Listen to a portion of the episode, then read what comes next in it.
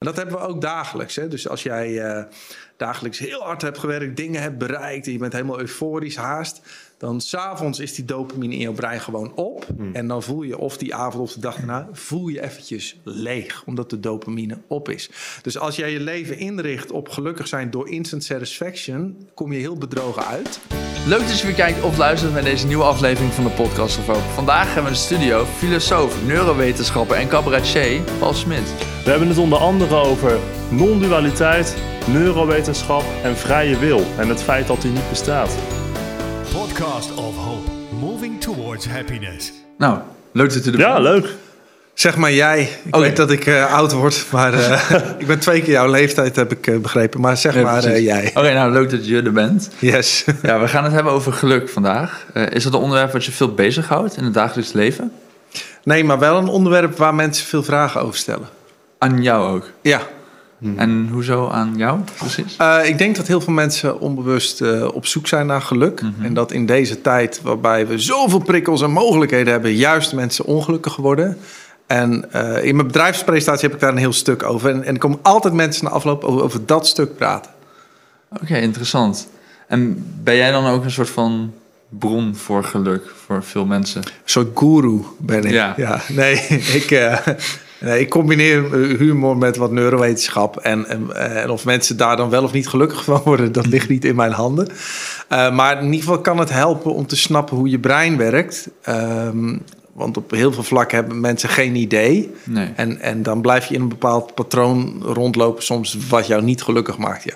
Zou neurowetenschap een sleutel kunnen zijn in hoe uh, we ja, kunnen achterhalen wat geluk eigenlijk is?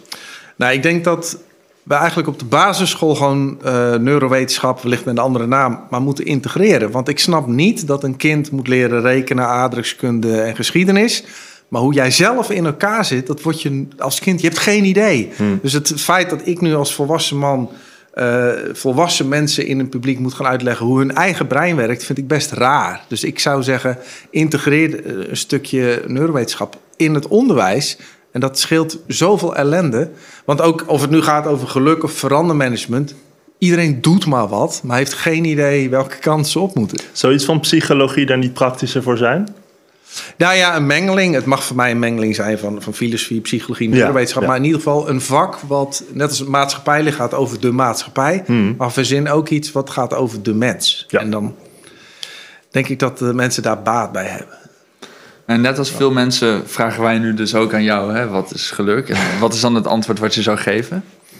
Ja, dat, uh, professor Ab Dijkstra's heeft daar een mooi boek over geschreven. Ook, hè. Dus wat is uh, geluk? Dat is een heel subjectief begrip, want het is een, een gevoel. En het is natuurlijk een plezierig gevoel. Ja. Um, aan de andere kant is het ook heel erg uh, duaal in dat opzicht. Geluk kan alleen maar bestaan bij de gratie van de tegenpol. Hmm. Dus je weet dat je je goed voelt, omdat je ook weet hoe het is om je niet goed te voelen. Ja. Dus gelukkig ben je soms ongelukkig. Ja, dus, dus je altijd gelukkig voelen. Sowieso zijn we daar helemaal niet op geprogrammeerd. Um, want we zijn geprogrammeerd om te overleven. Hm. En geluk is een bijzaak. Ja, oké. Okay. Um, dus moet je dan aan bepaalde basisbehoeften voldoen voordat je gelukkig kan worden? Ja, er zit wel verschillen. Hè? Dat blijkt uit onderzoek ook. Uh, geluk bestaat eigenlijk uit drie componenten. Het eerste is gewoon dat je je leven een bepaalde balans heeft. Dat je niet hoeft te struggelen van heb ik vanavond nog eten en kan ik overleven of vliegen de kogels om mijn oren. Uh, dus in Nederland, waar we over het algemeen die basis enigszins op orde hebben, voelen we ons dus gelukkiger dan bijvoorbeeld in India, waar mensen iedere dag weer struggelen uh, om te overleven. De tweede component zijn de instant satisfaction dingen, zoals je glas bier, uh, seks, Netflix-serie kijken, TikTok, noem maar op. Ja. Uh, en de derde component, dat zit vooral in onze neocortex, die wil graag iets bijdragen aan de wereld. Dus een stukje idealisme. En als je dus iets doet wat uh, de groep om jou heen of mensen helpt, maakt jou dat aanzienlijk gelukkiger. Dus op drie, okay. die drie componenten kun je schakelen als het ware. Maar dat tweede component, dat was volgens mij die, die, uh, in, die instant satisfaction, die is wel nodig. Nou ja, dat brengt wel wat uh, geluk. Uh, het zit veel complexer dan dat. Dat ja. wil ik uitleggen. Um, stel, jij kijkt een TikTok-filmpje of je neemt een glas bier. Dan krijg je een, een, shot dopamine. Of je wint een gouden medaille, noem maar op. Dat voelt heel even lekker. Alleen zo hoog als de piek gaat met de dopamine, zo diep gaat ook het dal. Als je cocaïne gebruikt, dan kun je dopamine verviervoudigen. Voel je echt fantastisch. Maar je krijgt ook je dipdag vaak twee dagen daarna. En dat dal is net zo, zo extreem als de piek was. En dat hebben we ook dagelijks. Hè? Dus als jij eh, dagelijks heel hard hebt gewerkt, dingen hebt bereikt... en je bent helemaal euforisch haast... dan s'avonds is die dopamine in jouw brein gewoon op. En dan voel je of die avond of de dag daarna... voel je eventjes leeg, omdat de dopamine op is. Dus als jij je leven inricht op gelukkig zijn door instant satisfaction... kom je heel bedrogen uit. Ja. Want je kunt een paar keer genieten met dopamine shots. En dan moet je je brein weer rust geven. Ja. En wat gebeurt er nu? Doordat iedereen eh, zichzelf continu overprikkelt met TikTok-filmpjes, social media, aandacht, Netflix-series, alcohol, noem het allemaal maar op. Porno is er ook een van. Dan, omdat je zelf zo overvoert met dopamine, eh, er komt de basisdopaminelijn komt uiteindelijk lager te liggen. Dus je gaat, jij, eh, gaat je over de gehele dag heen minder gemotiveerd voelen, depressiever. En je begint het normale dagelijkse leven als saai te ervaren. En wat doen mensen dan? Dat heet multilayering. Mijn zoon is daar heel goed in. Eh, ontbijten plus TikTok. Sporten Oh ja, plus muziek. oh ja. Film kijken plus Twitter. ja. dus het is stapelen, stapelen, stapelen. En wat wij mensen... eh, we kunnen er niks aan doen, hè, want we hebben nog nooit in deze wilde en prikkelrijke omgeving geleefd. Maar de, de kern is rust. Ga eens een keer wandelen. Eh, neem rust. eh, leg je telefoon eens een avondje weg. Ga gewoon eens met mensen gezellig kletsen. Noem maar op. En dat zijn we een beetje verleerd met z'n allen. Waardoor mensen, ondanks dat ze zoveel instant satisfaction hebben, zich ongelukkiger gaan voelen. Ja, maar dus ze zijn wel goed wanneer in mate gebruikt. Ja, Oké. zeker, zeker. Eh, alleen, ehm, kijk, in de oertijd was er gewoon heel weinig eh, qua prikkels. Je had Ja. een dopamine shot als je je hert had gevangen Ja. of een appelboom vond en je appels had geplukt. Ja? Ehm, nu bijvoorbeeld Tinder. eh, als jij, je, je gaat Tinder op en dan bij de, de eerste... Nou, stel, ik ga erop en dan zie ik een vrouw. En dan, wow, wow, een mooie vrouw, dopamine. Maar na nummer 7 blijkt het onderzoek... Denkt mijn brein al, whatever. Dus je maakt bijna geen dopamine meer aan. Ja. En dan ga je een beetje saai heen en weer swipen. En je gaat je, je eisen dermate hoog leggen... wat sowieso kansloos is. Dus het is gewoon een overkill in deze tijd, ja.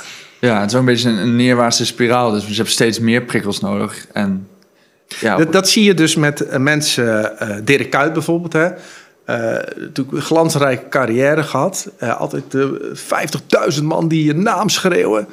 En die stopt met voetbal. Ja, die raakt gokverslaafd. Want de enige manier Ja. om, om nog aan die dopamine te komen... is of met drugs, of met gokken, of met seks. Dus je ziet heel veel beroemdheden... uiteindelijk eindigen met cocaïne en zo. Omdat dat voor hun nog de laatste, het laatste redmiddel is... om, om die piek nog te ervaren. ja dus ehm, geluk wordt ook deels dus bepaald door stofjes in je hoofd. Is dat ook een manier dat er in de toekomst voor gezorgd kan worden... dat je altijd gelukkig bent? Eh, nee, want dat kan helemaal niet. Dan, want eh, jouw brein went aan alles. Dus als je jezelf continu maar met dopamine en endorfine zou overvoeren, raakt jouw brein eraan gewend en die gaat gewoon zijn basislijn verleggen. Dus ehm, het is daarom ook zo dat. eh, ik was in een kinderthuis in India. Die kinderen hebben geen ouders meer, slapen op het beton, bezitten niets.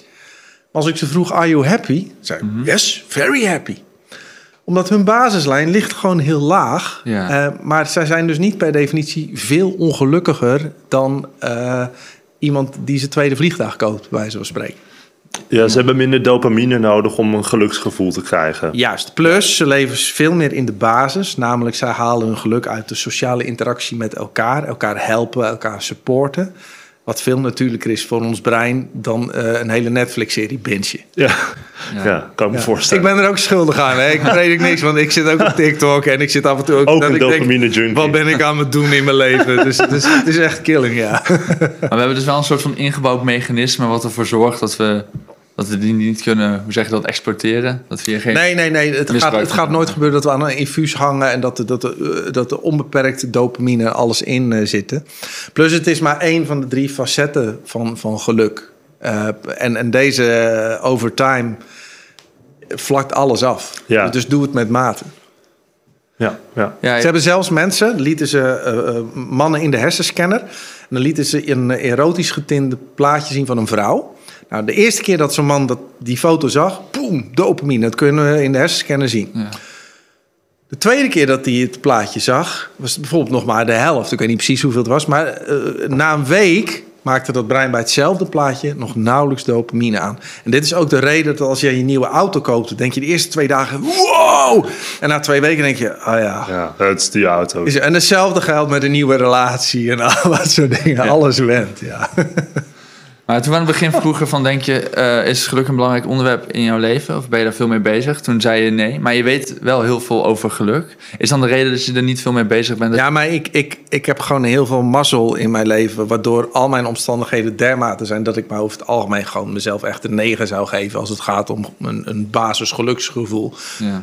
En omdat dat gewoon prima is, ben ik helemaal niet bezig met. En ik ben ook helemaal niet depressief aangelegd. Hè. Ik ken ook mensen die hebben. Dus dat kun je er ook niks aan doen soms. Hè. Dat is gewoon een, een, hoe je neuronen vuren. Ja, en dan is geluk echt een item. En die mensen ken ik ook. ja, dus eigenlijk is geluk een beetje een item voor mensen die niet gelukkig zijn. Eh, ja, want water is pas interessant als je op de Sahara loopt en je hebt dorst. Ja. Ja? Maar als hier onbeperkt water is, ben ik helemaal niet bezig met hoe krijg ik mijn glas water. Ja, precies. dus als zometeen iedereen die luistert gelukkig is geworden, dan luistert niemand meer naar onze podcast. Dat is jullie podcast. ja, dan zou ik je podcast over depressie eh, laten. Maar het feit dat, dat geluk dan best wel een actueel thema is, is helemaal geen goed teken in dat geval. Nou, dat blijkt dat het dus goed gaat met de samenleving. nou ja, nou, of, of inderdaad dat je zegt dat zoveel mensen... Nou ja, dat vind ik een goede vraag die je stelt. Zoveel mensen eh, zijn nu opeens...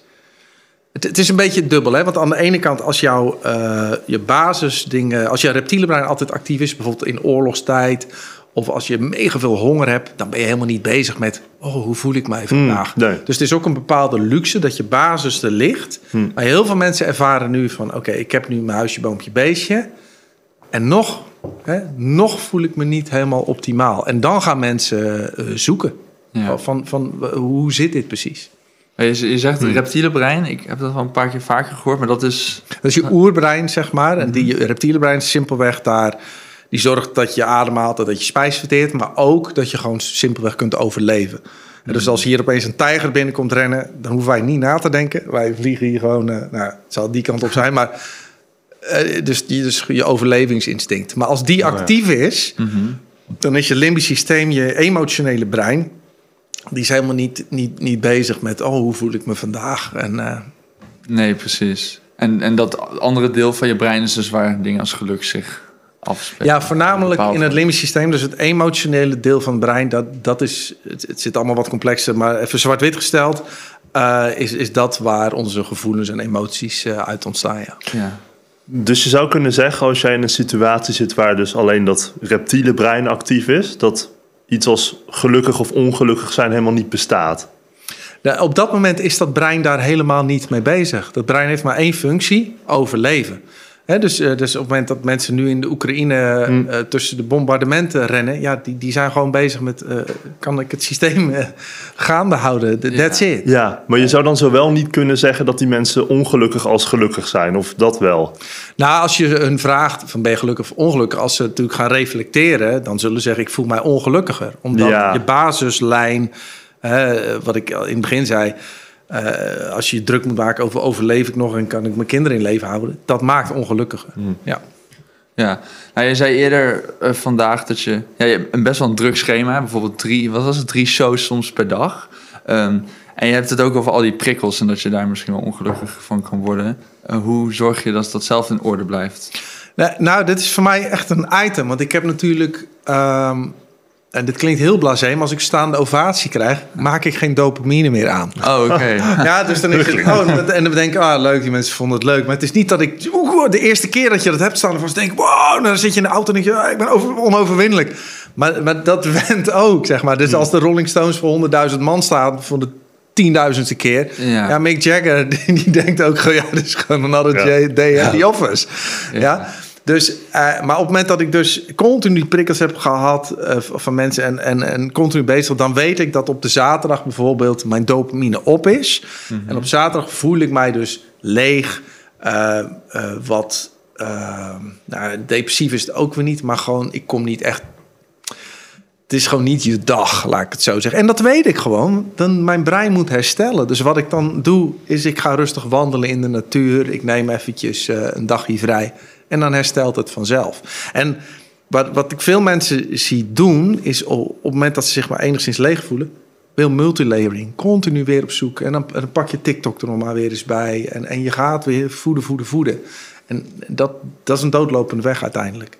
Ja, het is ook misschien niet erg om je een keertje te vervelen. en Het gewoon misschien wat rustiger. Nee, maar verveling is cruciaal voor ons brein. Om twee redenen. Ten eerste reset jouw brein je dopaminehuishouding. En ten tweede wordt je creativiteit geactiveerd.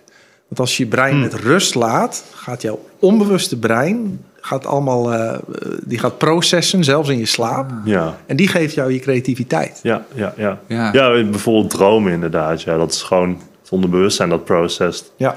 Ja, en ik merk zelf ook wel als ik bijvoorbeeld, ik weet niet of dat dan telt als verveling, maar als ik aan school moet werken en ik ben dat aan het uitstellen, dan word ik opeens super creatief. Dan kan ik opeens allemaal vette muziek maken. Eh, en normaal zit ik... Heel ongunstig eigenlijk op dat moment. Maar Ja, precies. Maar dan, dan komt opeens die creativiteit op. Precies. Ja. Ja. Nee, je, had het, je, had, je had drie punten genoemd. We hebben het over die tweede gehad. En over die derde, dat was dat je mensen ook... Een stukje helpen. idealisme. hè. Dus als jij, Oh dat dat. stamt al uit de oertijd. Als jij, je- wij leefden in groepen van ongeveer 150 mensen. Mhm. Ehm, en als je dus een bijdrage leverde aan de groep, werd je natuurlijk ook zelf weer gewaardeerd. Maar wat evolutionair is ontstaan, wij willen graag iets goeds doen voor de mensen om ons heen. Dus een, eh, iemand anders helpen of supporten of wat dan ook, maakt ons daadwerkelijk eh, gelukkiger. Ja. Is dat ook waarom jij doet wat je doet? Waarom je je shows geeft? Of leg ik je nu wat in de mond? Nee hoor, nee, nee, mijn show, dat is allemaal per ongeluk ontstaan. Ik vind humor gewoon fantastisch en ik vind neurowetenschap heel interessant. En dat ben ik per ongeluk een keer gaan combineren. En toen ging iedereen me bellen. Toen heb ik maar eens een pak gekocht. En, eh, en toen ben ik op, dus die- dat, nee, met te zeggen hoe is je carrière verlopen, het is allemaal geluk, geluk, geluk en nog eens geluk. toeval. Alles toeval. Ja. Echt, ik heb nooit een visie, missie gehad, plannen, de- niks. Het is puur wat er gebeurt. Maar het is niet als je mensen bijvoorbeeld helpt eh, gelukkiger te worden of, of een vraag kan beantwoorden, dat je daar zelf wat uit kan halen.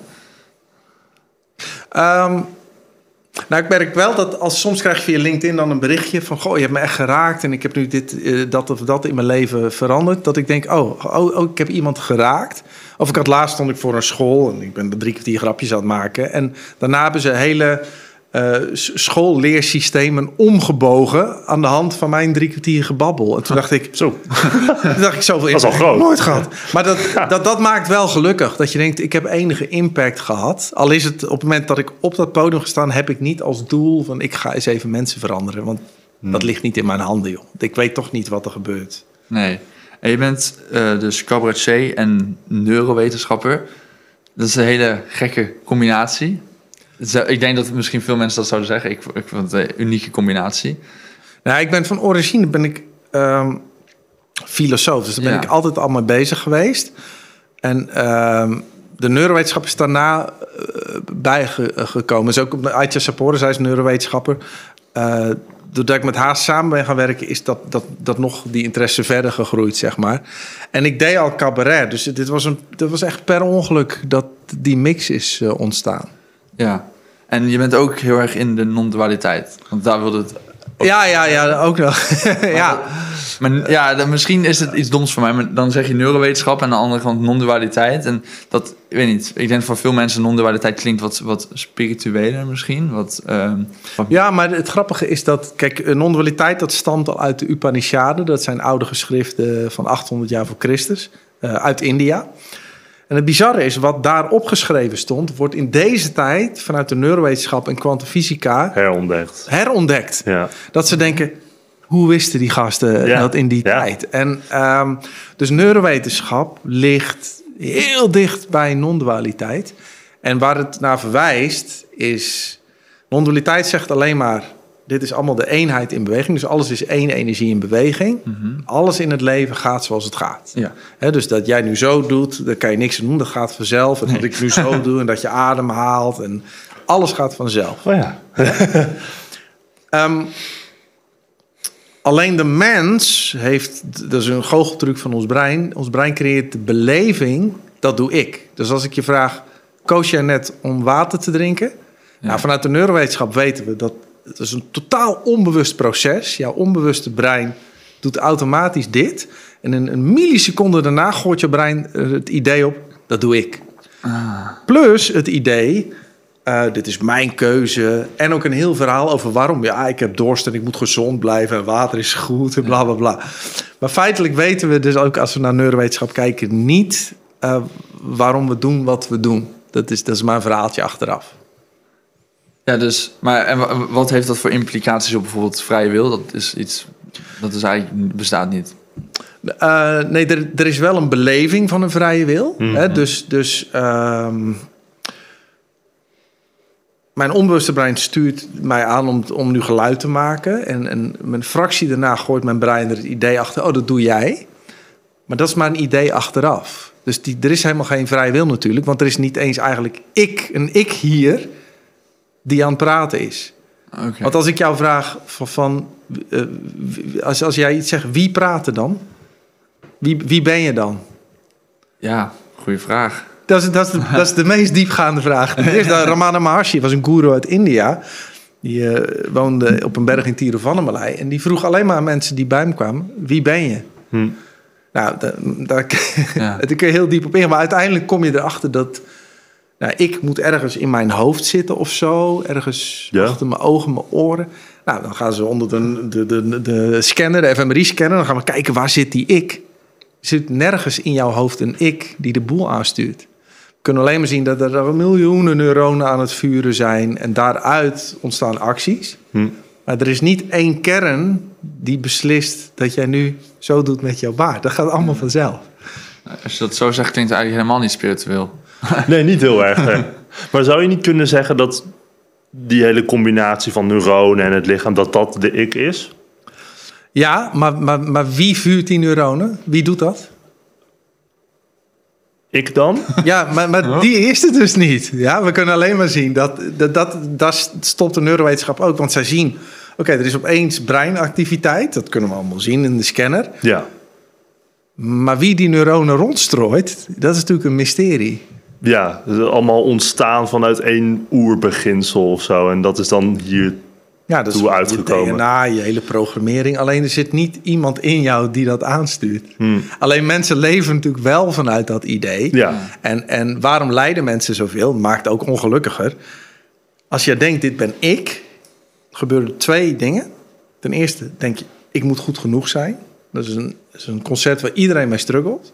En het tweede is, ik moet het hele leven onder controle houden. Dus je gelooft dat je je zelfbeeld in stand moet houden met allemaal pleasant of dominant gedrag. En je leeft met controlezucht, want je denkt, oké, ik, moet, ik moet het allemaal wel sturen in dit leven. Ja, en dan zie je dat mensen mentaal gaan lijden. Dan ga je piekeren en malen, en noem het maar op. Ja, en, hoe- en hoe pas jij dit dan toe in jouw leven? Ik, is het meer gewoon een soort van mindset veranderen? Ik neem aan dat je wel gewoon woorden als ik blijf gebruiken. Ja, nee, maar kijk, ik is gewoon eh, eh, een superhandige tool. Als, als ik vraag, mag ik wat water? Dan Ja. snap je, oké, dat doet hij dit ding mee. Eh, niet deze neuronen, dat zou raar zijn. Het enige wat, wat, waarin non-dualiteit soms kan helpen om te ontspannen... is als dingen in het leven anders lopen dan gepland. Wat altijd is, ja. Ja. ja. Dat je niet de kramp in schiet, maar snapt... dit is wat het is. Ja, zo had het moeten zijn. Ja, en niet dat je nihilistisch wordt, maar wel dat je de strijd met het leven zelf eh, daarin niet aangaat. Ja, want nihilisme is dan wel dichtbij om de hoek. Lijkt me. Als je het leven gaat zien in een soort van... ja, het is toch allemaal maar zoals het zou moeten zijn. Misschien is het wel een beetje nutteloos. Ja, dan, dat, dat is, dan heb je de boodschap niet helemaal begrepen. Dan is het eigenlijk het ego wat denkt... luister, als ik niet aan het stuur sta hier, la maar. Ja, Dan heeft het ja. toch allemaal geen... Ja, maar zo zie ik het persoonlijk Nee, niet. Hoor. Maar ik. kan me voorstellen dat eh, iemand die link zou leggen. Dat is een veelgestelde vraag bij bijeenkomsten over non-dualiteit. Ja. Ja, maar ja, dat is allemaal fatalistisch. En ja, als, als ik het niet doe, dan, eh, ja, dan ga ik ook niet meer naar mijn werk. Ja, Ja, Ja. alleen de volgende dag niet? ga je gewoon naar je werk. Want het is jouw programmering om dat te doen. Ja. Maar merk je dat mensen dan veel excuses bedenken om, voor voor dit non-dualisme? Ja, eh, het non-dualisme het moment dat het gaat integreren, als het ware, zitten er allemaal fasen van het ontwaken, zoals ze dat noemen. Dus dat ego begint nog allemaal met spelletjes en constructies en trucjes. En Hmm. vandaar dat in India had je vaak een guru die jou in dat proces begeleidde. Mhm. Want die mind gaat natuurlijk nog allemaal uitwegen zoeken en noem Ja. maar op. Dus dat is, eh, daar is deze podcast iets te kort voor om dat allemaal eh, te vertellen. Maar eh, dat, dat is een gemiddelde zen-boeddhist aardig wat jaren mee bezig, laat ik het zo zeggen. Ja. Ja. Ja. En hoe heeft non-dualisme jou dan geholpen om gelukkig... Nou, we zien nu bijvoorbeeld deze foto met, eh, dat is eh, Guido. Inmiddels Ismaël Lots, dat is een goede vriend van ons. Die is in januari overleden aan longkanker. En dit was de laatste keer dat we met hem waren. Hier zitten we in de zon echt te genieten. Of als iemand zo ziek is, dan ga je opeens van hele andere dingen ook genieten trouwens. En waarin helpt non-dualiteit nu? Ehm, als je denkt dat het anders had kunnen zijn, dat Ismaël nog had kunnen leven, dan ontstaat er weer heel veel lijden. Want dan denk je, ja, waarom is dit nu gebeurd? En het had anders moeten zijn. Ja. En hij had anders moeten. En hij kan nu eh, zijn eh, familie niet verder zien, noem het maar op. Maar als jij ziet, alles gaat zoals het gaat, ehm, dan is het gevecht met het leven stopt. Dus dan is het nog steeds verdrietig dat hij overlijdt. Ja. Maar Guido en ik hebben niet nu de strijd van het altijd anders moeten zijn. Dus er is direct acceptatie met dat wat is. En dat brengt innerlijke rust. Ja. Ik kan me wel voorstellen dat het een hele moeilijke acceptatie is.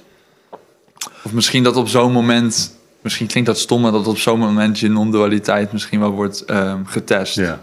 Ja, dit, ze noemen dat eh, Advaita, dan heet het in India. En dat noemen ze altijd Advaita in de praktijk, zeg maar. Van, het is heel mooi in een boek. Hè? Dat is, Ja. eh, Willem Glaudeman schrijft er ook over. Maar als het in het echt is, dan, dan wordt het... eh, dan, dan, ja, in hoeverre is, zit het in je systeem, zeg maar. Ja. Dat is ook oefenen dus eigenlijk.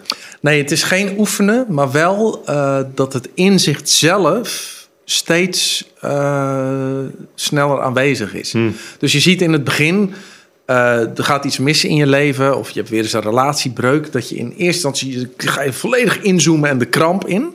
Maar dan gaat steeds sneller, komt het inzicht, denk oh, oh, wacht even, dit is helemaal niet nodig. Ja. Dit is wat het is. En dan zoom je als het ware steeds sneller uit. En dat heeft jaren nodig hoor.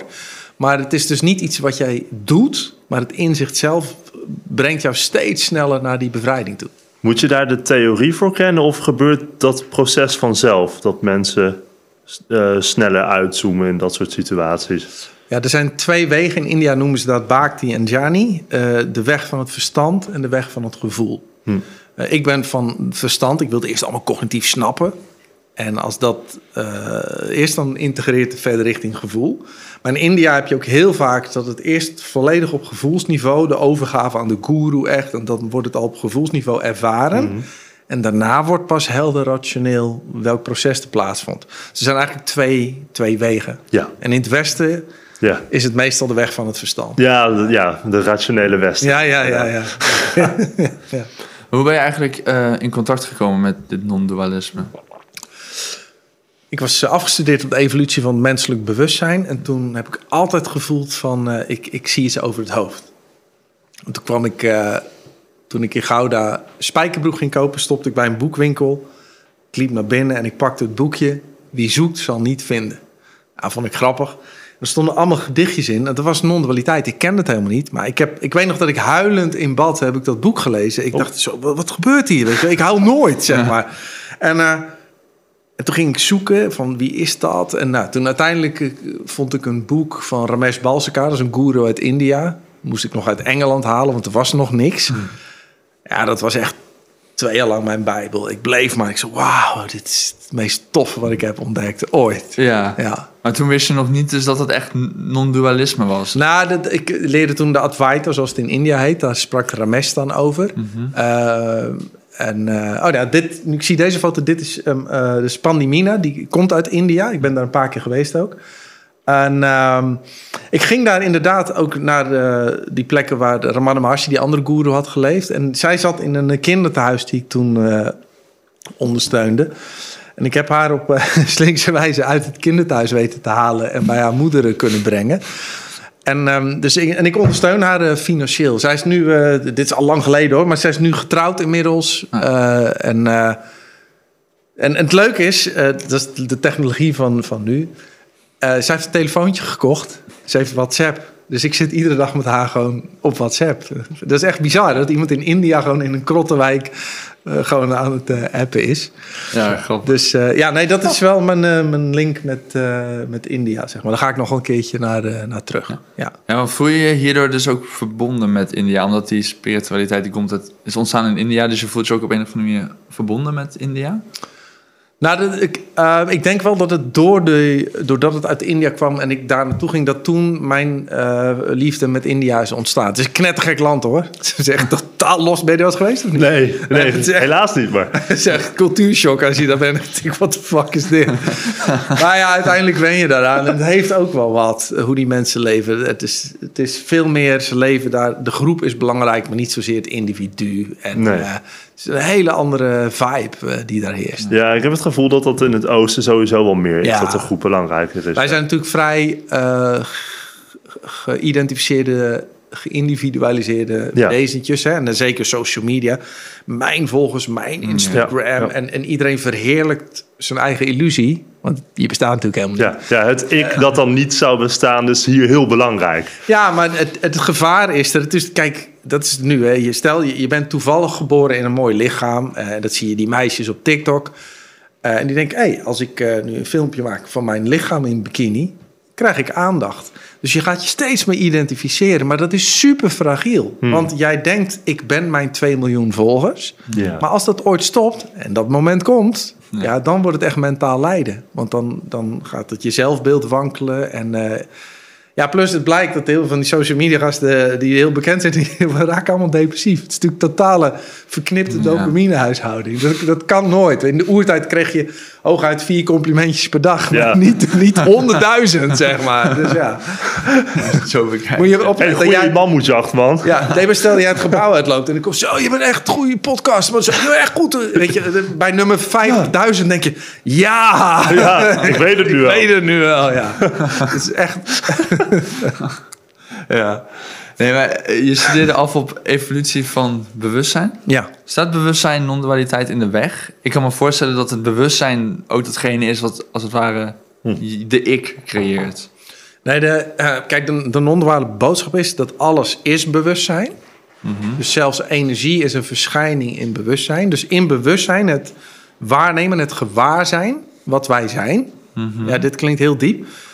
Alles verschijnt en verdwijnt erin. Universa, geluiden, noem het maar op. Ja, Ehm, en ook die, die ik-beleving verschijnt in bewustzijn. ja. En dat kun je dagelijks ervaren als je namelijk in flow bent. Je, gaat, je zit bijvoorbeeld in de bioscoop. Je gaat helemaal in op. Ja. Dan staat je op de default mode netwerk. Eh, dat zijn allemaal systemen waardoor dat ik-gevoel wordt aangemaakt. ja. Uit. Hm. Daarom is dat zo lekker om in flow te zijn. Mhm. Want jij bent er dan even niet. Ehm, en op het moment, ehm, ook in meditatie kun je dat ook hebben, of met eh, truffels of paddenstoelen, noem maar op. Maar en op het moment dat je dan weer de bioscoop uitloopt, dan komt dat ik-gevoel weer, weer terug. Dus dat ik-gevoel, ja. dat is ook heel erg eh, fluïde. Je bent niet eens de hele dag bewust van dit ben ik. Nee. Heeft het ook voordelen? Die ik. Ja? Ja, in het dagelijks verkeer is het heel anders. Jullie vragen, eh, wil jij naar de podcast? En dan vraag ik, eh, kun jij zeggen waar ik moet zijn? Dus het is Ja. super handig. Ja. Dus je moet die ik gewoon blijven gebruiken. Net zozeer dat je moet blijven gebruiken dat het lijkt alsof jij de keuze maakt. Hè, dus als ik zeg, als iemand net beneden vraagt, wat wil je drinken?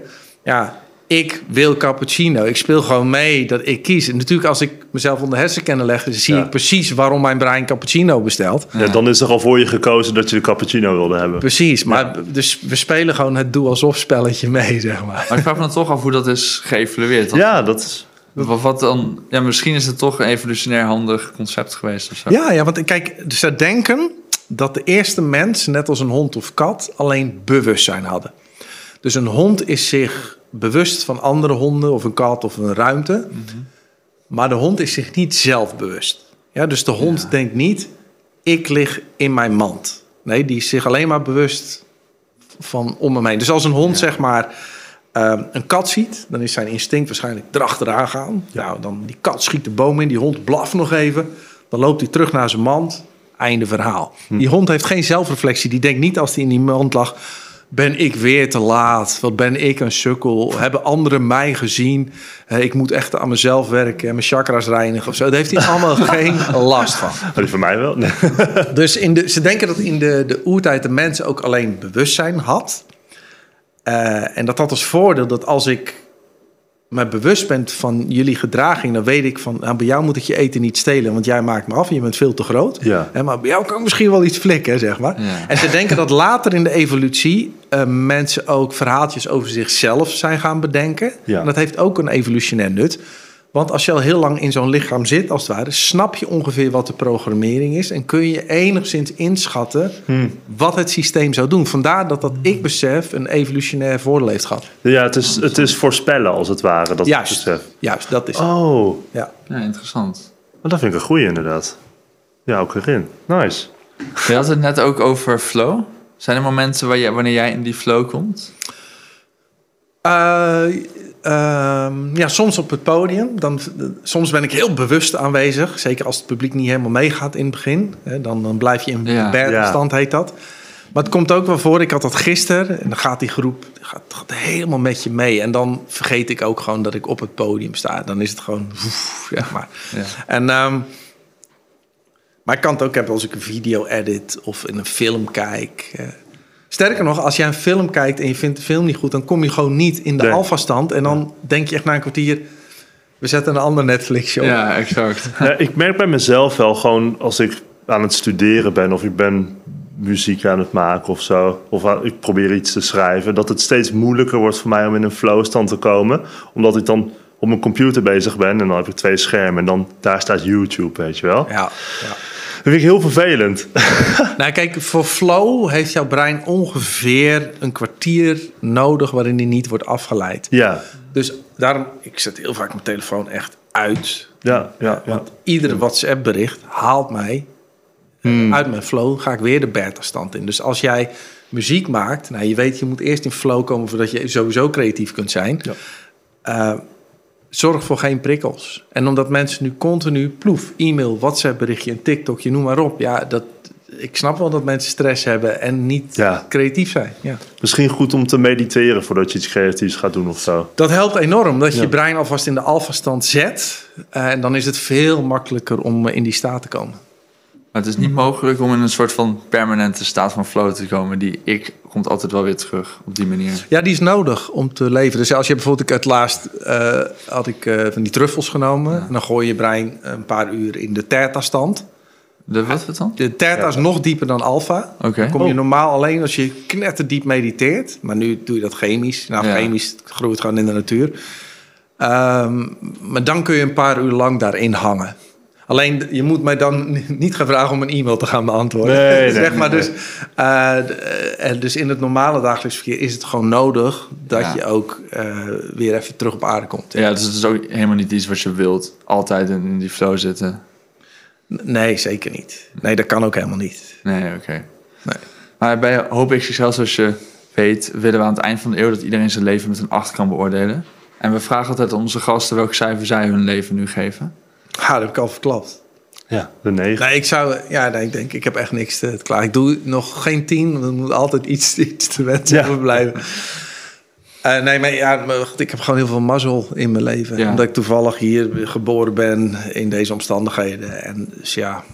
En is het altijd een 9 geweest? Zijn er bijvoorbeeld ook momenten geweest dat er opeens een punt Nou, hier, kwam? je ziet hier een, een foto van mij eh, toen ik 18 was. Dat was bijvoorbeeld echt een hele zware periode. Ik eh, ging naar de luchtmobiele brigade, de Rode Beretten.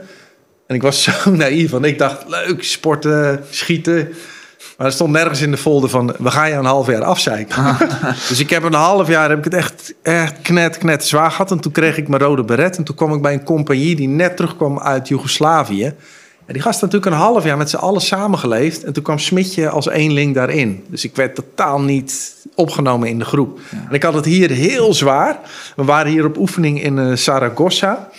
En toen speelde er een band en die maakte echt hele oudbollige rockmuziek. Dus al die honderden militairen vonden er geen fuck aan.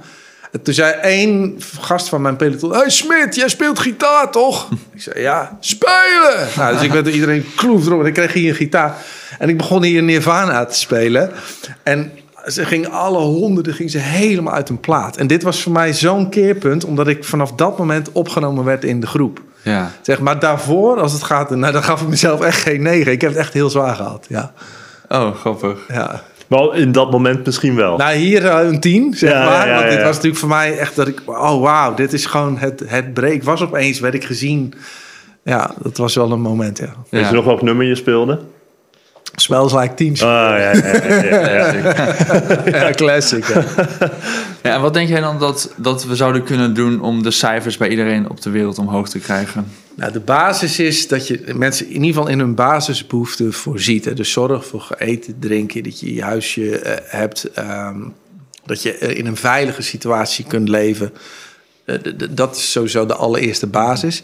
Daarnaast is het voor de mens, zeker in het Westen, belangrijk dat je die dopaminepieken, dat je dat leert balanceren.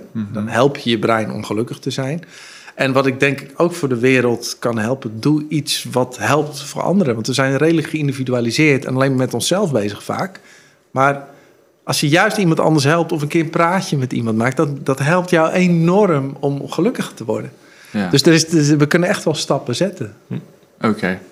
En we vragen onze gasten ook altijd om een voorwerp mee te nemen. Ik weet niet of jij een voorwerp mee... Nee, die was ik eh, vergeten. Dat is niet erg. Maar dan had ik mijn gitaar meegenomen als het dat eh, gekund. Ja. Nou, ja, die had... Kan je er ons nog wat over vertellen misschien? Zeg, nou ja, dat maakt mij dus, eh, dus ook eh, gelukkig door gewoon muziek te maken. En muziek brengt ook weer jouw brein weer in balans. Dus dat is een leuke hobby om te... Jij maakt ook muziek, hè? Ja, Nou ja, gitarist ook. Oh tof. Ja, Nou ja, maar goed, muziek maken, dat, dat is voor heel veel delen van je brein. Dus er is niks gezonders haast dan muziek maken. Ehm, zeker als je het zelf maakt, componeert ook. Ehm, en dat is dus een, een, een eh, hele natuurlijke manier om je dopaminehuishouding in balans te krijgen. Vandaar als ik me gestrest voel, want ik werk best wat uurtjes, dan pak ik dat ding en dan merk ik van, oh ja, kijk, kijk, kijk, nu kom ik weer eh, terug op aarde. Vandaar dat ik dat instrument wel heel fijn vind. Ja, nou mooi. Nou, en ja, als afsluiter vragen we altijd onze gast om een tip te geven... voor iedereen die luistert, waar ze zelf gelukkig van kunnen worden... of inspiratie uit kunnen halen. Ehm, ja, dat, ik heb net die drie tips. Dat is eigenlijk wel de basis, denk ik. Ja, en voor de rest... Ja, ik denk dat jullie alle clichés wel een keer hebben Ja, we hebben zo onderhand. Zo, zo onderhand overgelukkig. Ja, maar be- besef ook dat je gemaakt bent om te overleven, niet om gelukkig te zijn. Dus als je een keer niet gelukkig voelt, geen paniek, niks aan de hand, dan is je brein even bezig met resetten. Dus relax. Dat ding brengt alles vanzelf wel op orde. Maar ga niet continu weer. Ja, en ik spreek nu ook tegen mezelf. Ja, ga niet continu weer jagen, je fles wijn opentrekken, je blokjes kaas pakken en je broodje kroket bestellen. Dat, er zijn eh, wegen die wat nuttiger zijn. Ja. Ja. Nou, mooi. Nou, die hadden we nog niet gehoord. Nee, Zie je? dat was geen Toch nog cliché. wat nieuws. Nou, bedankt dat je Ja, dankjewel. Dat was leuk, mannen. Thanks. Bedankt voor het kijken of luisteren naar deze aflevering van de Podcast of Hoop. We hopen dat je ervan hebt genoten of misschien wel geïnspireerd door bent geraakt. Iedere zondag om 10 uur komt er een nieuwe aflevering online op YouTube, Spotify en op al je andere favoriete podcast apps. Ook kun je ons vinden op www.podcastofhoop.nl. Tot ziens en veel geluk. De wereld waarin we leven biedt nog geen gelijke kansen. Voldoende eten en drinken. Een adequate opleiding. Goede gezondheidszorg. Vrede en geluk is niet voor iedereen weggelegd. Maar stap voor stap wordt het beter en zijn we op weg naar een octopische samenleving waarin iedereen zijn of haar leven als goed kan beschouwen. Het is een lange reis, maar we zijn op weg. Podcast of Hope. Moving towards happiness.